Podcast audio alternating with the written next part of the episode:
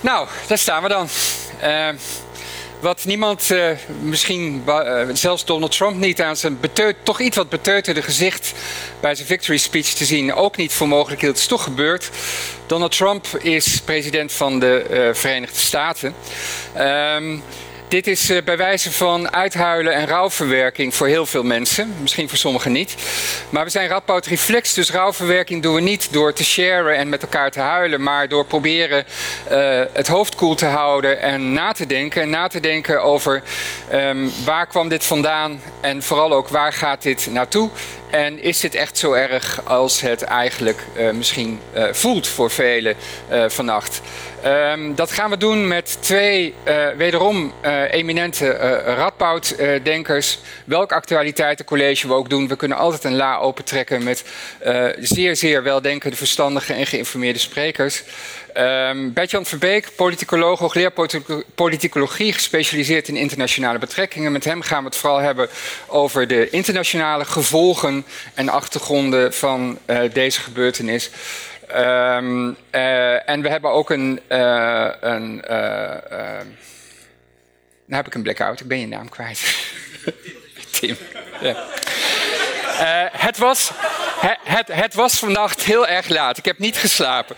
Um, en velen van jullie denk ik ook niet. Tim Houwer, mijn directe collega.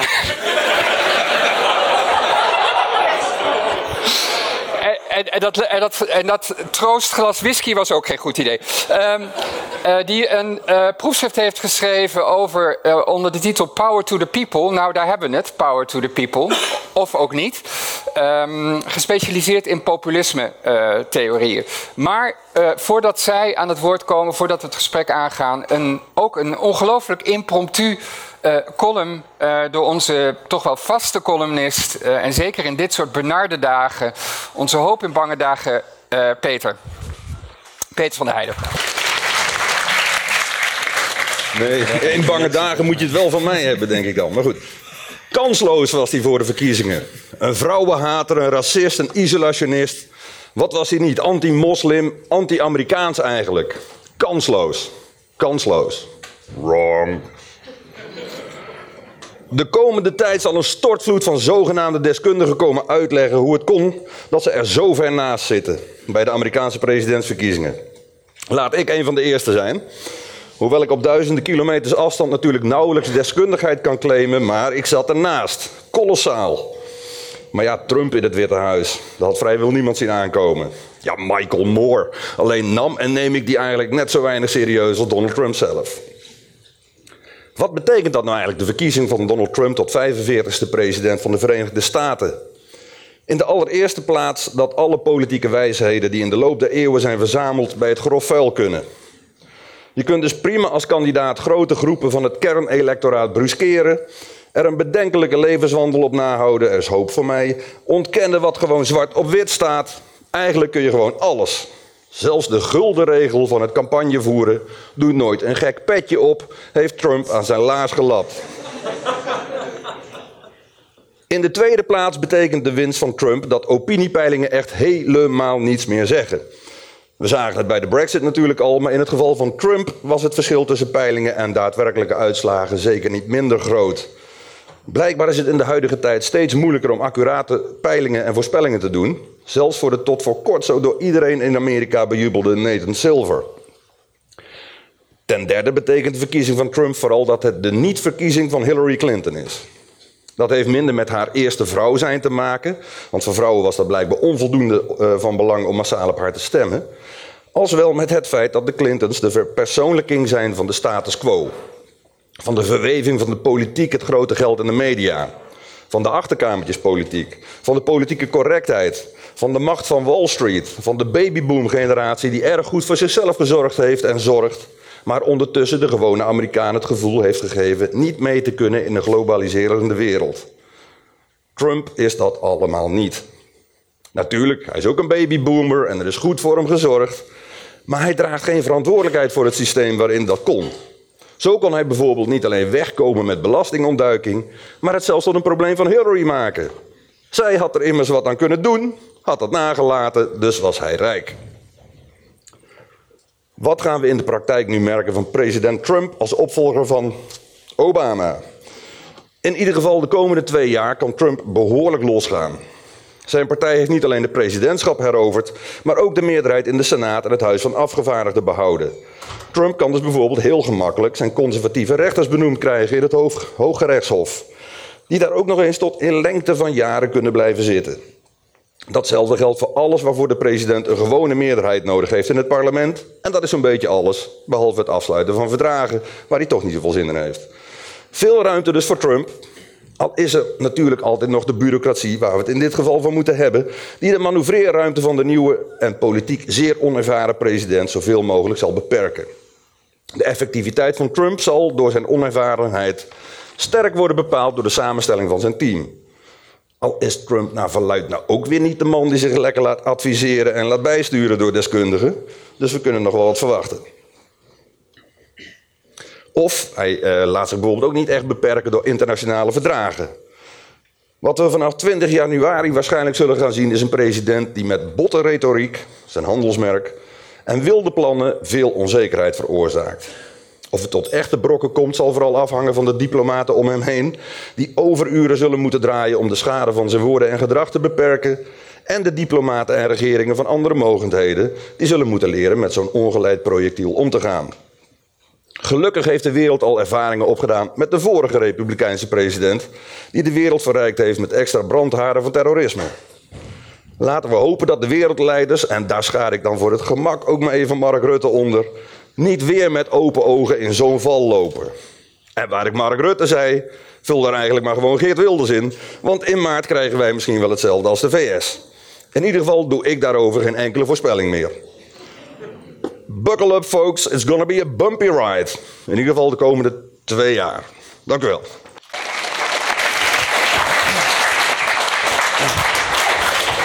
Ja, Peter, ik vind het wel jammer dat je niet publiekelijk toegeeft dat ik gelijk had. uh, de naam van je collega.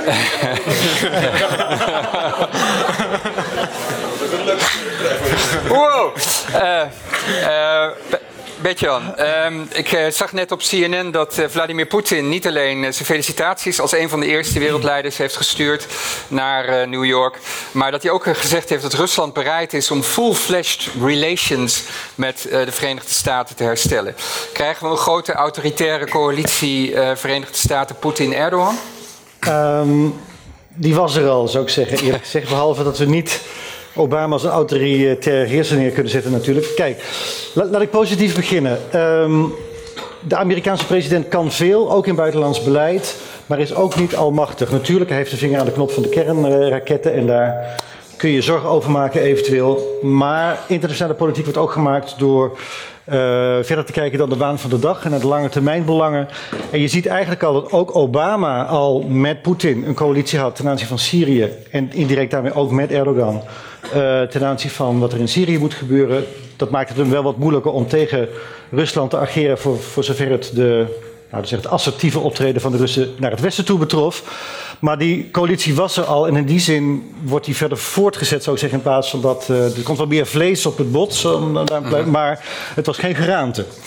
Um, ik denk wel dat op zich makkelijker zou zijn voor de twee leiders om met elkaar op een bepaalde manier over de problemen te praten. Maar ik denk niet per se dat dat leidt tot een uh, simpel onder ons van we regelen het allemaal wel even.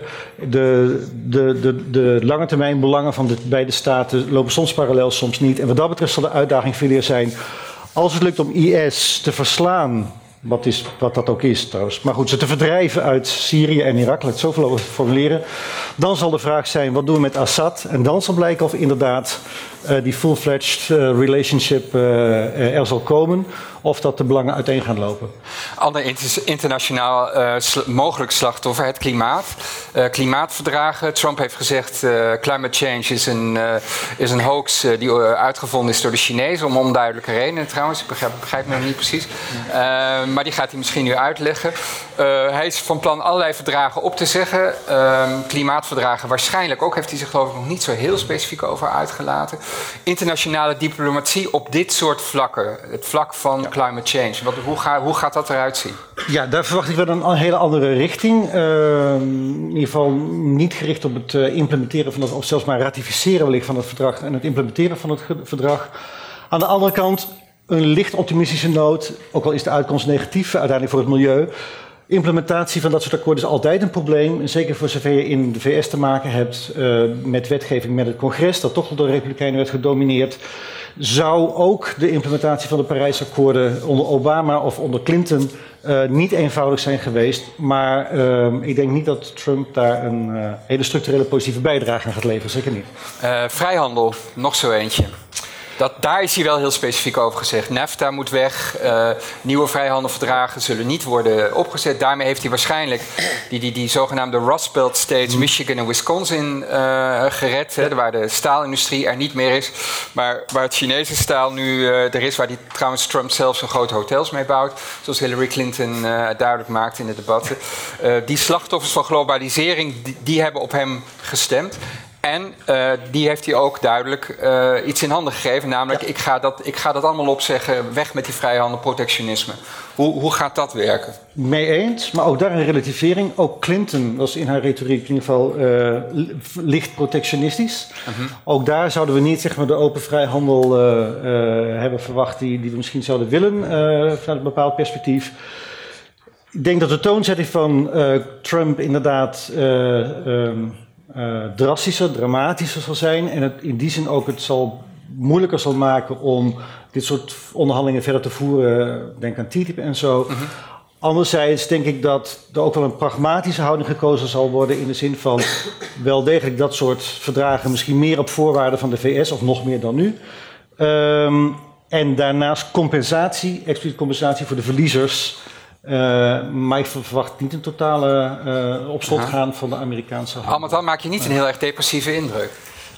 Nee, kijk, ik, heb ook geleerd in mijn vakgebied dingen te relativeren. Daar bedoel ik eigenlijk mee. Kijk, om een hele hoop redenen kun je blij of uh, verdrietig zijn over de winst van, van Trump. En dat, daar kan ik ook wel mee in meegaan in belangrijke mate. Maar we weten uit de internationale politiek ook dat grotere belangen op het spel staan. En dat de persoon van de president maakt wel degelijk uit, in termen van, van retoriek, in termen van het kunnen bouwen al of niet van coalities in het congres of met andere landen. Maar hele drastische wijzigingen. Ik verwacht nou ook niet een compleet isolationisme à la de jaren twintig, mm dat Amerika zich volledig afwendt. Ik verwacht wel, maar die trend is er al sinds Bush en misschien zelfs al daarvoor. De Amerikanen qua handel zullen proberen om nog meer uh, de, uh, de onderhandelingen zo te gebruiken dat het in, de akkoorden in hun voordeel mhm. zijn. Mhm. In plaats van een meer open, dat ze meer bereid zijn ook opofferingen te getroosten bij zo'n. Uh, maar, maar, maar, je zegt grotere belangen zijn op het spel. Maar tot mm -hmm. nu toe in de campagne. Maar het kan zijn dat Trump de campaign een hele andere zal worden dan Trump de president. Daar gaan we ja. het zo meteen ook nog over hebben.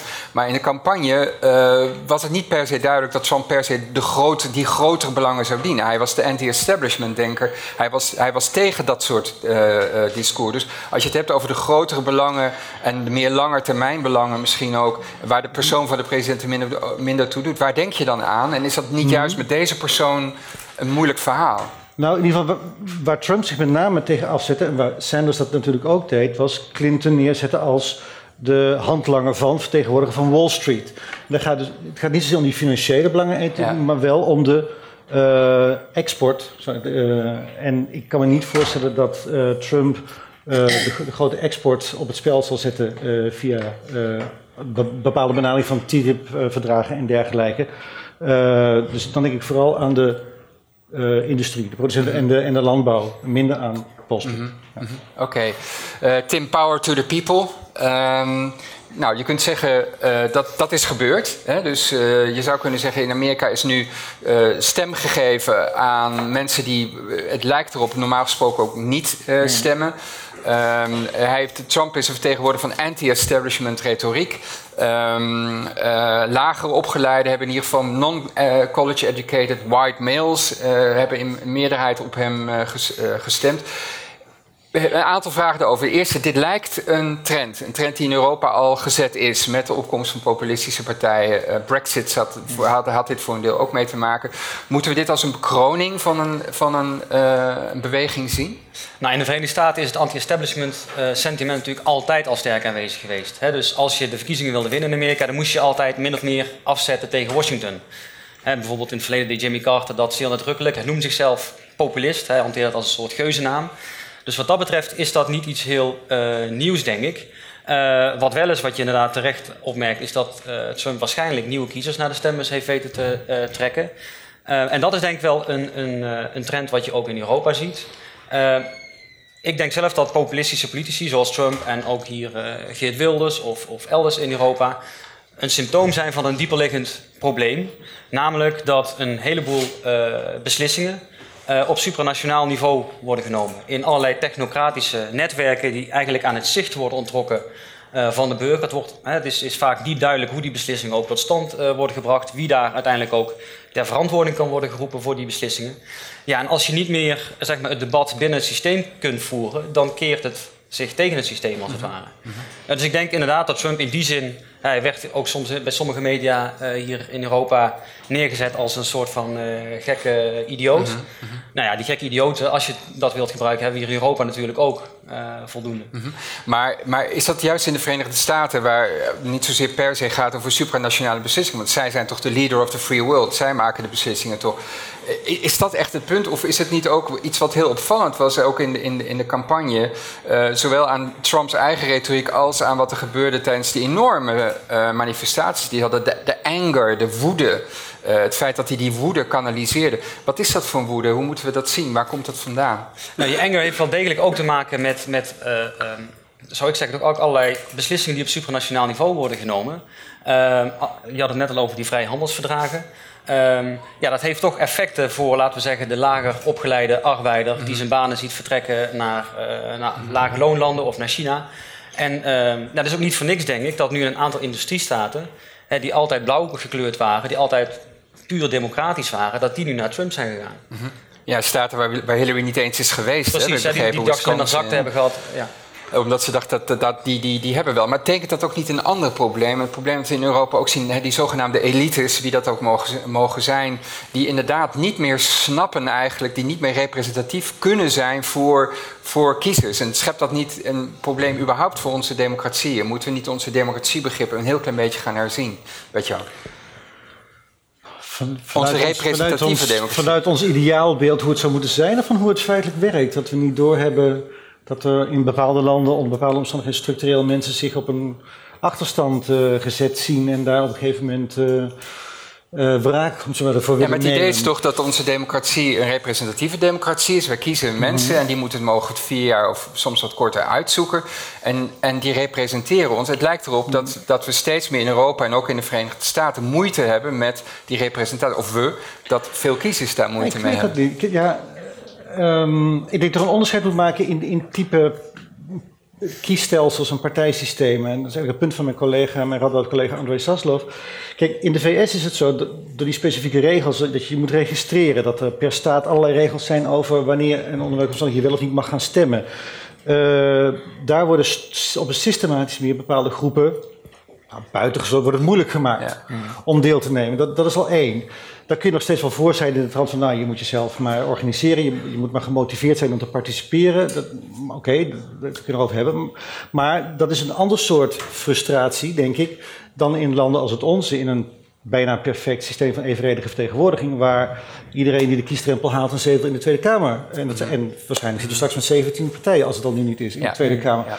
Dat, dus ik, ik, denk dat je altijd een onderscheid moet maken in democratieën die in ieder geval meer dat soort vertegenwoordiging mogelijk maken tegenover een systeem als de VS, waar dat al voor bepaalde mensen bijna onmogelijk wordt, althans dat zodanig percipiëren. Waar je bovendien ook nog moet toevoegen dat in de VS heb je te maken met een meerderheidsstelsel, wat feitelijk heeft geleid tot een twee-partijen-systeem. En juist in twee-partijen-systemen waar uh, zijn er grote groepen kiezers uh, die zich ja, niet vertegenwoordigd voelen. Of in ieder geval wel kunnen kiezen voor zelfs de communistische partij als je wil. Uh, maar dat uiteindelijk toch niet uh, nuttig vinden. Dat, en dat vind je bij ons niet. Overigens wil ik wel opmerken dat een deel van het verlies van Clinton te verklaren valt door de Libertarian Party van Johnson. Ja. Dat, en dat juist misschien de vertegenwoordiging in de VS op een bepaalde manier wel heeft gewerkt, maar misschien niet met het resultaat dat de meesten van ons willen. Ja, uh, Tim, dan wil ik het toch op een andere manier proberen, toch? Um, moeten we niet zeggen, je had het net over, hè, je bevestigt, uh, er komen kiezers zeg maar, aan bod worden gehoord. Dat gaat hier ook, gebeurde hier al, gaat hier ook gebeuren, die tot nu niet gehoord werden. Uh, wij worden daar misschien met z'n allen niet zo blij mee. Maar moet je, die, moet je de overwinning van Trump, ik zeg het even heel gechargeerd, uh, niet vieren als een, als een soort feest der democratie. Uh, democratie gaat toch over dat iedereen zijn stem mag laten horen. Nou, voilà, daar is iedereen. Moeten we niet eigenlijk heel blij zijn?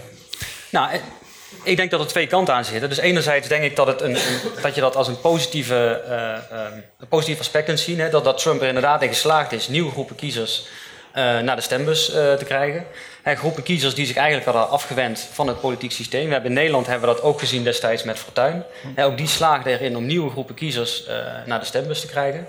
Uh, dus ik denk dat dat vanuit democratisch open is, is, zie ik dat wel als een positieve ontwikkeling. Mm -hmm. om eventjes nog aan te sluiten of, bij wat je daar net zei, uh, over die vertegenwoordigende democratie en die rol van elites.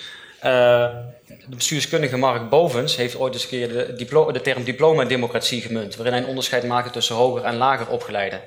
en in, in, dat boek betoogt hij dat, dat nou, de, hoger, of de, de hoger opgeleide significant andere belangen en interesses ook hebben dan de, de lager opgeleide. En dat, dat je in de politiek ziet dat de belangen van de hoger opgeleide beter gediend worden dan die van de lager opgeleide. En vanuit dat, ook vanuit dat oogpunt zou je ook nu met Trump kunnen zien, nou ja, ook die lager opgeleiden worden dus nu actiever betrokken. Nou, of ze echt betrokken worden, maar in ieder geval krijgen een stem in, het, uh, in de politieke vertegenwoordiging. Dus moeten wij als hoger opgeleide gewoon A, niet bang zijn en B, niet zeuren, uh, je? Ik denk dat we er vooral uh, op moeten toezien dat. Een deel van de frustratie komt voor uit de perceptie dat de elite uh, niet de belangen dient van het volk, ja. om maar in populistische termen te blijven. En dat we er vooral scherp op moeten zijn dat, uh, dat, dat politici, dat de bestuurders juist wel alle belangen benoemen, meewegen, et cetera. en dan eventueel vervelende keuze maken, maar die in ieder geval uitproberen te leggen. Neem nou, ja, het is misschien niet het beste voorbeeld. Het feit dat Rutte nu zo laat ten aanzien van het Oekraïne-verdrag plotseling begint van ja, er zijn grotere belangen dan, uh, dan waar jullie aan denken. Namelijk, de derde wereldoorlog staat voor de deur bijna, ja, begrijp ik nu. Maar dat soort, als je dat soort grotere belangen wil proberen uit te leggen, dat had hij moeten doen voor, uh, voor het referendum. En had hij even moeten zeggen van ik, uh, ik trek me niks aan van de uitslag van het referendum. -hmm. Maar het gaat erom, je moet proberen dingen uit te leggen. En -hmm met respect in de zin van dat je begrip hebt voor wat andere mensen beweegt. De, de mensen die zich gefrustreerd voelen. En die, die afstand is denk ik nog steeds te groot. En daar ligt eventueel een taak voor ons, denk maar, ik, om maar, politici daaraan te houden. Maar hoe doe je dat? Want uh, in Nederland uh, is het al een tijdje bezig. Inderdaad, minstens mm -hmm. sinds, uh, sinds Fortuin. Je zou kunnen zeggen, politie hebben toch lang genoeg kunnen leren om dat beter uit te leggen. Het is blijkbaar niet gelukt. We moeten maart afwachten. Maar we zouden... ja, ik zit trouwens de hele tijd tegen die kop aan te kijken. Maar goed, hè, da, da, da, daar, komt, daar komt zo meteen straks een actualiteitencollege. en dan zien we die, die andere blonde uh, meneer waarschijnlijk. Um, en daar hebben we het nog steeds niet goed uitgelegd. Dus als je mm -hmm. zegt beter uitleggen, hoe, hoe, hoe ziet dat eruit? Uh, hoe, hoe stel je dat voor? Dat hadden we toch al lang moeten leren dan? Iemand als Wilders uh, heeft natuurlijk een heel eigen team van adviseurs waar weinigen verder toegang toe hebben. Maar ik denk dat juist degene tegen wie hij zich keert, zeg maar het establishment, dat die zich wel meer zouden kunnen omringen met mensen uit de maatschappij dan ze nu doen. Waaronder ook misschien mensen op de universiteit als de onze van mijn part. Uh, maar dat is en blijft, ja, die, die, die metafoor van die kaastolp, die Haagse kaastolp, die is tot grote hoogte denk ik nog steeds waar. En mm -hmm. het is een, een, een, een, politiek bedrijf waar journalisten, uh, politici, uh, zeg maar, een, een, eigen wereld, een eigen taal hebben, een eigen spel spelen. En mm -hmm. die kring moet verbreed worden, zou ik denken. Als we dat over dat establishment hebben, horen wij daarbij? En als dat zo is, hebben wij daar dan niet ook een verantwoordelijkheid uh, in, di in, dit hele verhaal. Twee keer gezien wat Bert-Jan nu zegt. Nou, volgens de populisten horen wij daar natuurlijk in ieder geval bij. Ja. We worden ook weggezet, hè, of maken we deel uit van, uh, ja. van de linkse kerk, zal ik maar zeggen. In dit geval van uh, Nederland. Um, dan hebben wij daar een rol in te spelen. Ja, nou, ik denk dat de rol van de intellectueel in het algemeen natuurlijk wel is om, om zaken goed en helder uit, uit, te leggen. En, en in dit geval ook de opkomst van Trump of opkomst van populisme te duiden. Um, en aansluitend bij wat Bert-Jan net zei. Ik denk niet dat het alleen een kwestie is van dingen beter uitleggen. dat politici helder moeten mm. zijn over datgene wat ze doen of uh, um, andere mensen ook erbij proberen te betrekken. Ik denk dat het, ik bedoel, mensen zijn niet gek. He, dus ik denk ook dat het te maken heeft met uh, uh, de onmacht van politici. Mm -hmm. dus op nationaal niveau hebben politici over heel veel zaken gewoon niks of weinig meer te vertellen. Heel veel beslissingen worden op, op, op Europees niveau, supranationaal niveau genomen. En ook dat is denk ik een, een, een belangrijk, uh, belangrijk punt. Dus alleen met uitleggen, beslissingen uitleggen, daar kom je niet. En, maar waarmee wel dan? Nou, dat, als ik, als ik voor, voor uh, Europa mag spreken, zal het dus betekenen, naar mijn idee, dat je. Kijk, enerzijds zie je een reflex terug naar de nazistaat. Hè, denk aan mensen als Paul Cliteur of uh, Thierry Baudet, hè, die weer de nazistaat willen versterken. Nou, dat gaat nou volgens mij. Gaat dat, is dat een achterhoedegevecht. Hè, dat, daar ga je niet meer redden. Je zult op Europees niveau. Zul je toch ook democratischer moeten organiseren. Burgers er op een of andere manier meer bij moeten betrekken. En ook vooral denk ik dat beslissingen dat die zichtbaar worden gemaakt. Mm -hmm dus het, wat, wat bijvoorbeeld op Europees niveau ontbreekt, is gewoon een publiek debat. Ja. Over burgersbetrekken uh, gesproken. Um, um, vragen? Uh, ik hoorde hier één keer het, uh, het gebruik van de, van de blanke hetero man die stemde voor Trump. En de, en de correspondent noemde ook de witte proletariaat die Trump, Trump heeft kunnen bereiken. Zijn dat de enige mensen die voor Trump stemmen of die baat hebben bij het stemmen voor Trump? Weet je, dat is nog niet helemaal duidelijk, geloof ik. Hè? Dat, nee, we weten hem niet heel goed. Uh, we weten wel dat hij juist onder die groepen duidelijk heel veel meer kiezers heeft vertrokken, denk, denken we te weten vanuit de exit polls, uh, dan Clinton.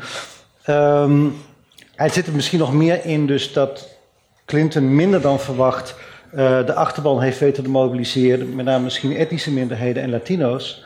Dat, dat, dat, die horen bij het natuurlijk. Uh, dan van tevoren werd, uh, werd aangenomen. Wat op zich wel weer een, um, ja, wel heel veel vraagtekens oproept. Dat juist zij, dat is ook een van de, de raadsels waar we in mijn vak denk ik voor staan. Het wordt altijd gezegd van degene die het beste on the ground zich weet te organiseren met vrijwilligers bureaus overal en uh, langs de deuren gaan en mensen in busjes naar stembureaus brengen, et cetera, et cetera.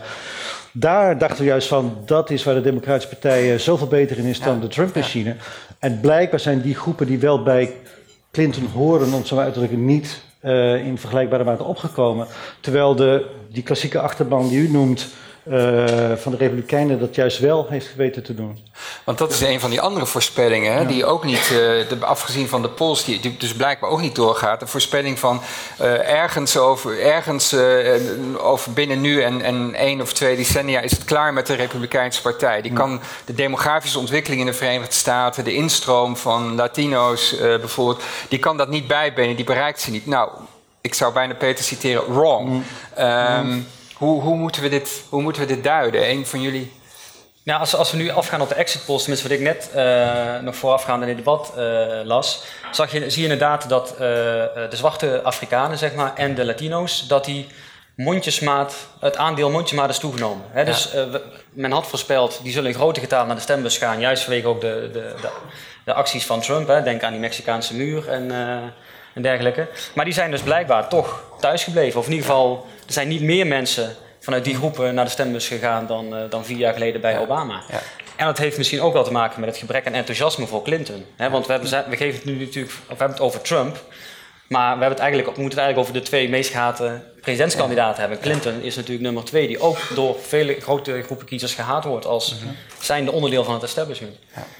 Bovendien, en dat is het punt van een van mijn collega's ook, van Clinton leek vooral te reageren op Trump. Het gaat altijd over hun tweeën. En ze heeft veel minder uitgedragen waar zij hmm. voor staat. Ja.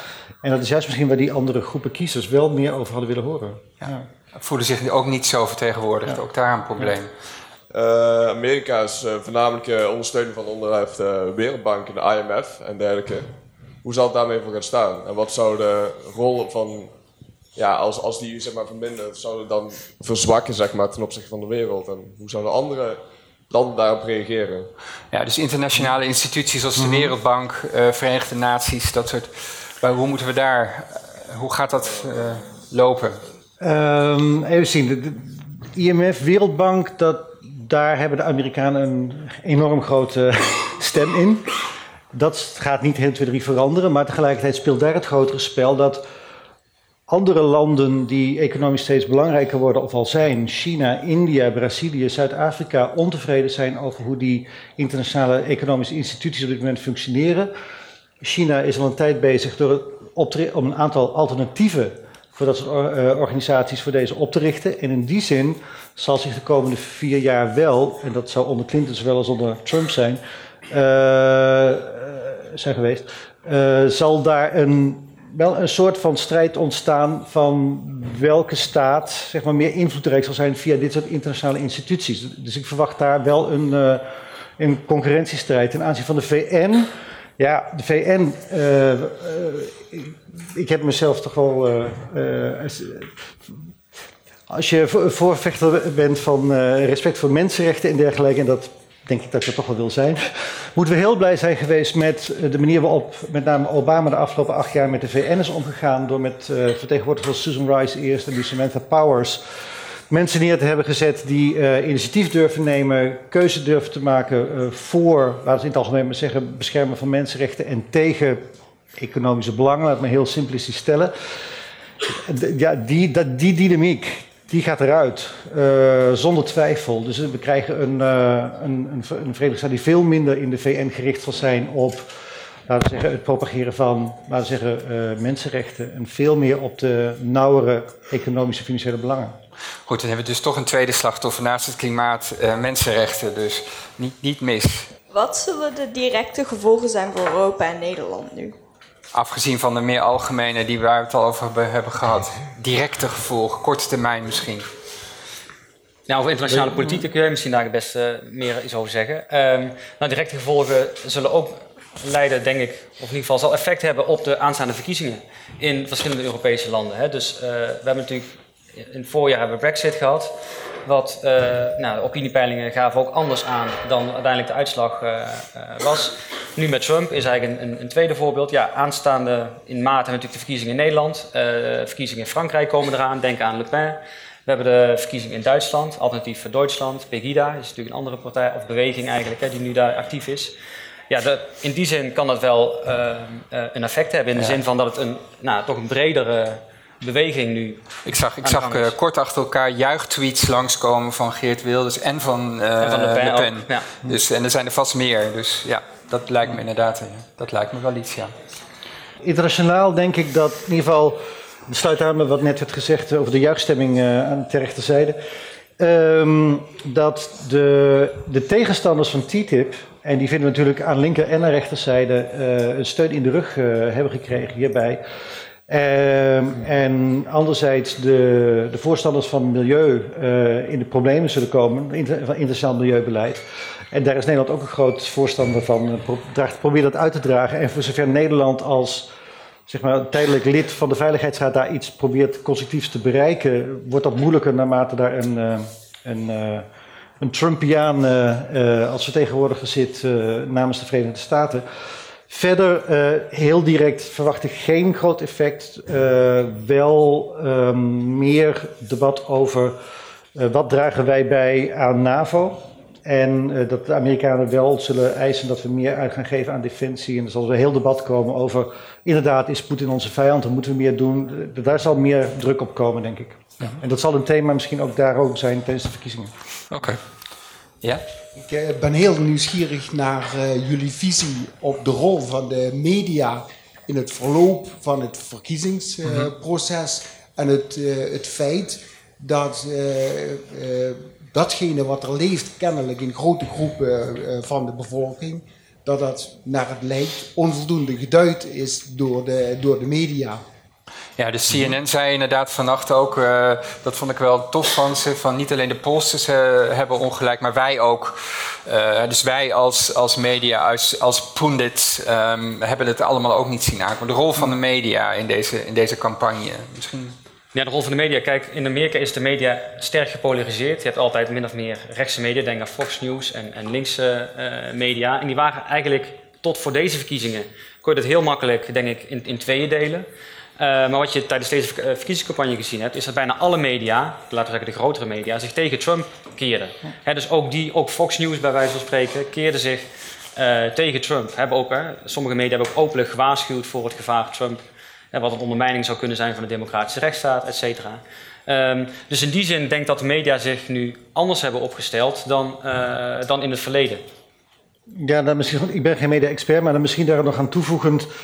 De media, zoals bijna altijd, hebben er, en dat is logisch in een tweepartijensysteem, er een, een race van Republikein tegen Democraat van gemaakt. Dus hebben derde partijen feitelijk buitengesloten. Het feit dat Johnson van de Libertaire, of Libertarian Party eh 15% gemiddeld moest staan om een kans te maken om deel te nemen in de debatten.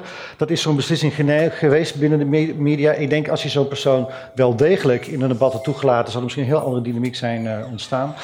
Het tweede element is dat wat, wat, uh, uh, verwonderlijk, wat me verwondert is dat, uh, dat Trump erin is geslaagd om eigenlijk via eigenlijk direct tot de kiezer te spreken, als populist via social media, eigenlijk zoveel succes te boeken en tegelijkertijd zoveel vrije uh, free publicity, gratis aandacht hebben gekregen. En dat hij niet op de traditionele manier met heel veel filmpjes en geld in media, veel minder dan we eigenlijk gewend zijn. Eigenlijk wel hele goedkope verkiezingen, mm -hmm. dit keer vergeleken met... goedkope um, verkiezingen, oké. Okay. Maar... Um, uh, maar dat is ook uh, de andere rol van de media. En misschien is dat ook weer zo dat de traditionele media misschien dat soort dingen toch nog te weinig zien. Maar dat is niet mijn expertise. Nou, misschien nog één ding daarbij toevoegend. Uh, wat de media hebben wel in de Verenigde Staten tijdens deze verkiezingscampagne een soort evenwichtige nieuwsverslaggeving proberen te doen. En dus als Trump iets, iets idioots zei, dan werd het weliswaar geanalyseerd in de media, maar werd tegelijkertijd ook een voorbeeld van Clinton daarnaast gezet. Want ja, ook, hè, we moeten eerlijk verslag doen. Dus niet alleen anti-Trump, maar toch ook uh, een voorbeeld van Clinton erbij nemen. Dus dat is ook wel een opvallende rol, denk ik, hoe de media zich hebben, hebben opgesteld. En dat is niet per se negatieve, wil je zeggen? Nee. nee. En jullie gaven aan als uh, um, verbeterpunt voor de democratie dat je mensen meer moet betrekken bij het democratisch proces en beter moet uitleggen waarom bepaalde beslissingen worden genomen. Als ik zelf kijk, dan constateer ik een trend dat mensen zich lang niet meer zo goed verdiepen in uh, issues. Mede vanwege de andere rol die de media inneemt. En ook dat ja, we zien dat tegenstanders van Trump proberen op een heel rationele manier uit te leggen waarom een slechte kandidaat is. En al die rationele uitleg werkt eigenlijk niet. En ik heb het idee dat bij hoogopleide of bij laagopgeleide het probleem nog groter is. Dat mensen zich minder verdiepen en minder op hoog niveau kunnen denken van waarom iets een goede beslissing is voor de meerderheid en niet voor mij als persoon. Is dat dan niet juist ook een probleem voor de democratie dat het dan niet zo wordt opgelost? Educational gap, inderdaad. Hoogopgeleid, laagopgeleid. Het is al, het is al genoemd. Wordt dat niet heel erg zichtbaar hier? Nou, ik zou zeggen dat niet zozeer de educational gap is, zeg maar, maar meer uh, de ideologische voorkeuren die mensen hebben. Als jij een conservatief bent uh, die een kleine overheid wenst, ja, dan kun je wel in debat gaan met iemand die het tegenovergestelde beweert. Maar dan zal dat tot, tot, nauwelijks tot nieuwe inzichten leiden. En volgens mij wat je in de, wat je in de Amerikaanse politiek ziet, is dat er nou, bepaalde uh, identiteiten mee gemoeid zijn, politieke identiteiten die gevangen zitten in bepaalde ideologische denkbeelden. En wat het gesprek tussen die verschillende groepen, of tussen die identiteiten, problematisch maakt. Dus ik denk niet dat het zozeer met die educational gap te maken heeft, als wel met de ideologische verschillen tussen, tussen groepen. Maar, maar het lijkt een feit dat, uh, dat als je kijkt, we moeten nog allemaal alle, alle exit polls en onderzoekingen nog, nog krijgen. Maar wat er nu tot nu toe lijkt, uh, is het wel, wel degelijk een punt van als je geen man bent en wel college education hebt, dan, dan is de kans dat je democratisch stemt wel oneindig veel, nou niet oneindig, maar behoorlijk veel groter dan dat je republikeins stemt. Daar, daar zijn toch wel patro patronen? Dat kun je toch niet zomaar wegwuiven? Nou, volgens mij, wat ik, wat ik, wat, als ik keek naar die exit polls, van, waar ik daar straks ook over had, dan zag je eigenlijk dat alleen mensen die, die uh, gepromoveerd waren, dat die zeg maar uh, bijna allemaal democratisch stemden. Maar zelfs bij het univers, universitair geschoolde uh, mensen zag je al nou, dat het meer 50-50 was mm -hmm. dan. dus ik denk dat dat wel meevalt, die educational gap. Oké. Okay. Ja, het sluit een beetje aan op de vraag die net gesteld wordt. Maar um, uh, de waarheid leek eigenlijk geen rol te spelen in, uh, in het voortraject. Hebben we enige reden om te denken dat dat nou in de toekomst uh, vooruitgaande dat dat weer zal terugkomen? De rol van de waarheid, dat mensen het belangrijk vinden dat factuele claims dat die kloppen. Oh, je denkt dat politiek over waarheid gaat. uh? Uh, je hebt het altijd eigenlijk al gegeven. Kijk, um, campagne voeren is in ieder geval selecteren in je informatie. Dus, dus, dus volledige informatie, los of dat de waarheid is, die, je stelt het altijd zo goed mogelijk voor jezelf voor en zo slecht mogelijk voor je tegenstander. En na de verkiezingen zie je dan wel weer. Uh, dus de, dat, dat algemene, uh, die algemene kenmerken, die, die zullen niet gauw veranderen.